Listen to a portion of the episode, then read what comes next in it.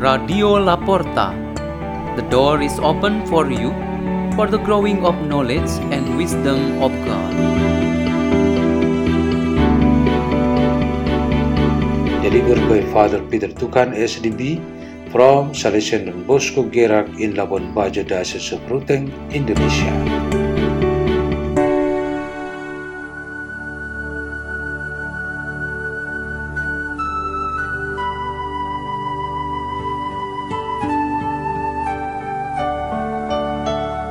Readings and meditation on the Word of God on the 25th Sunday in Ordinary Time, September 24, 2023.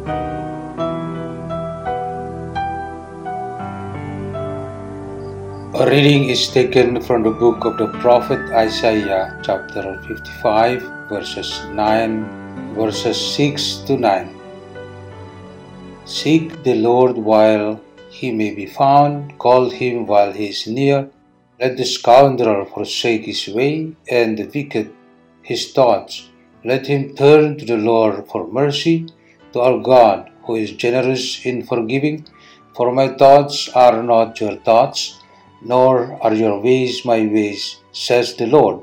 As high as the heavens are above the earth, so high are the ways above your ways, and my thoughts above your thoughts.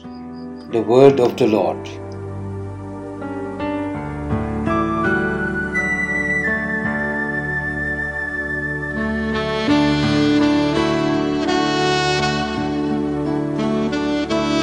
A reading is taken from the letter of St. Paul to the Philippians, chapter 1, verses 20c to 24, and verse 27a.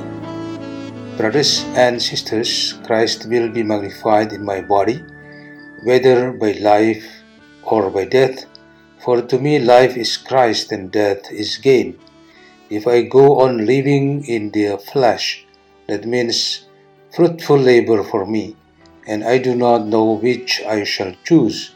I am caught between the two. I long to depart this life and be with Christ, for that is far better. Yet that I remain in the flesh is more necessary for your benefit. Only conduct yourself in a way worthy of the gospel of Christ. The word of the Lord.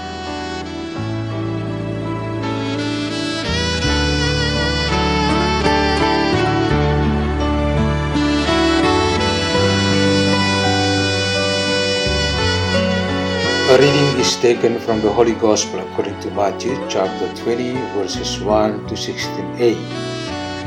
Jesus told his disciples this parable The kingdom of heaven is like a landowner who went out at dawn to hire laborers for his vineyard. After agreeing with them for the usual daily wage, he sent them into his vineyard.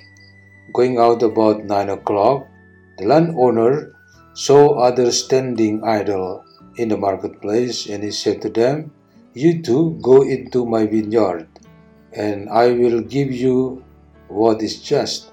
So they went off, and he went out again around noon, and around three o'clock, and did likewise.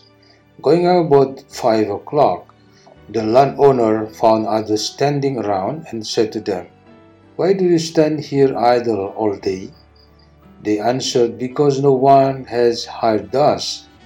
He said to them, You too go into my vineyard. When it was evening, the owner of the vineyard said to his foreman, Summon the laborers and give them their pay, beginning with the last and ending with the first. When those who had started about five o'clock came, each received the usual daily wage. So when the first came, they thought that they would receive more, but each of them also got the usual wage. And on receiving it, they grumbled against the landowner, saying, These last ones worked only one hour, and you have made them equal to us, who bore the day's burden and the heat. He said to one of them in reply, my friend, I am not cheating you. Did you not agree with me for the usual daily wage? Take what is yours and go. What if I wish to give this last one the same as you? Or am I not free to do as I wish with my own money? Are you envious because I'm generous? Thus, the last will be the first, and the first will be last. The Gospel of the Lord.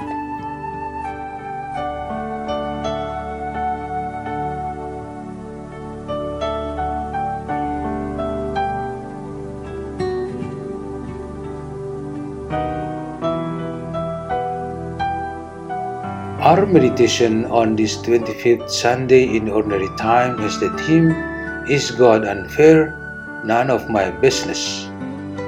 This theme is a reflection of the parable in the Gospel about wages for workers.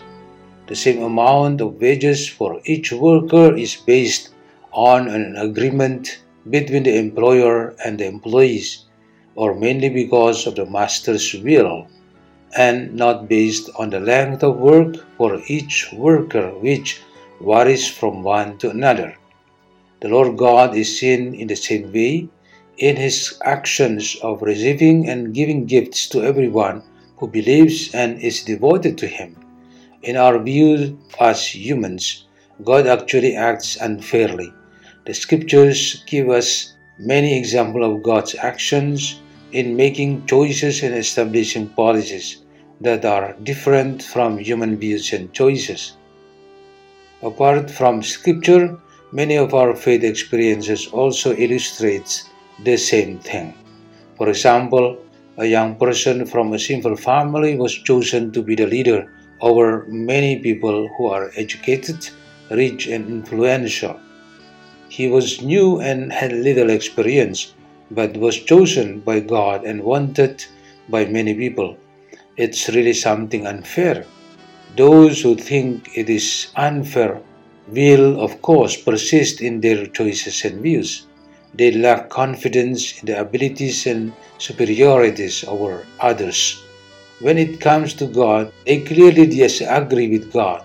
By considering God to be unkind and unfair, they certainly experience a great spiritual crisis.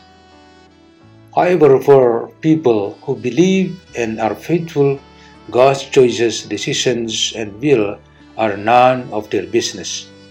That is solely the business and authority of the Lord God. The principle that is firmly adhered to is what was said by the prophet Isaiah, who quoted God's own words as he says, For my plans are not yours plans, and your ways are not my ways. The more we stick to this principle, the stronger the quality of our faith.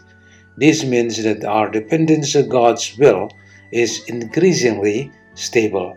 Today's reading suggests two signs of dependence that indicate a strong relationship with God. First, to God we direct our appeal regarding all our circumstances, especially the prayers of thanksgiving, praise, supplication, and surrender. God is always near to everyone who calls on Him, says today's responsorial psalm. Second, when God has chosen and determined His wisdom, we just follow it. That is our choice too, because it will be to our advantage, said St. Paul in his letter to the Philippians. So, for believers and followers of Christ, God's plan is the best way for them. Let us pray in the name of the Father, and of the Son, and of the Holy Spirit. Amen. Holy Father, to you we place all our appeals through prayer and sacrifice, especially through worship this Sunday.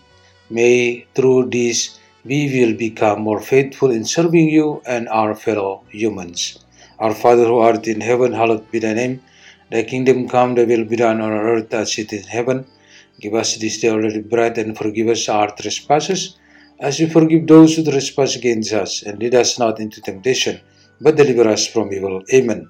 In the name of the Father, and of the Son, and of the Holy Spirit. Amen. Radio La Porta. The door is open for you.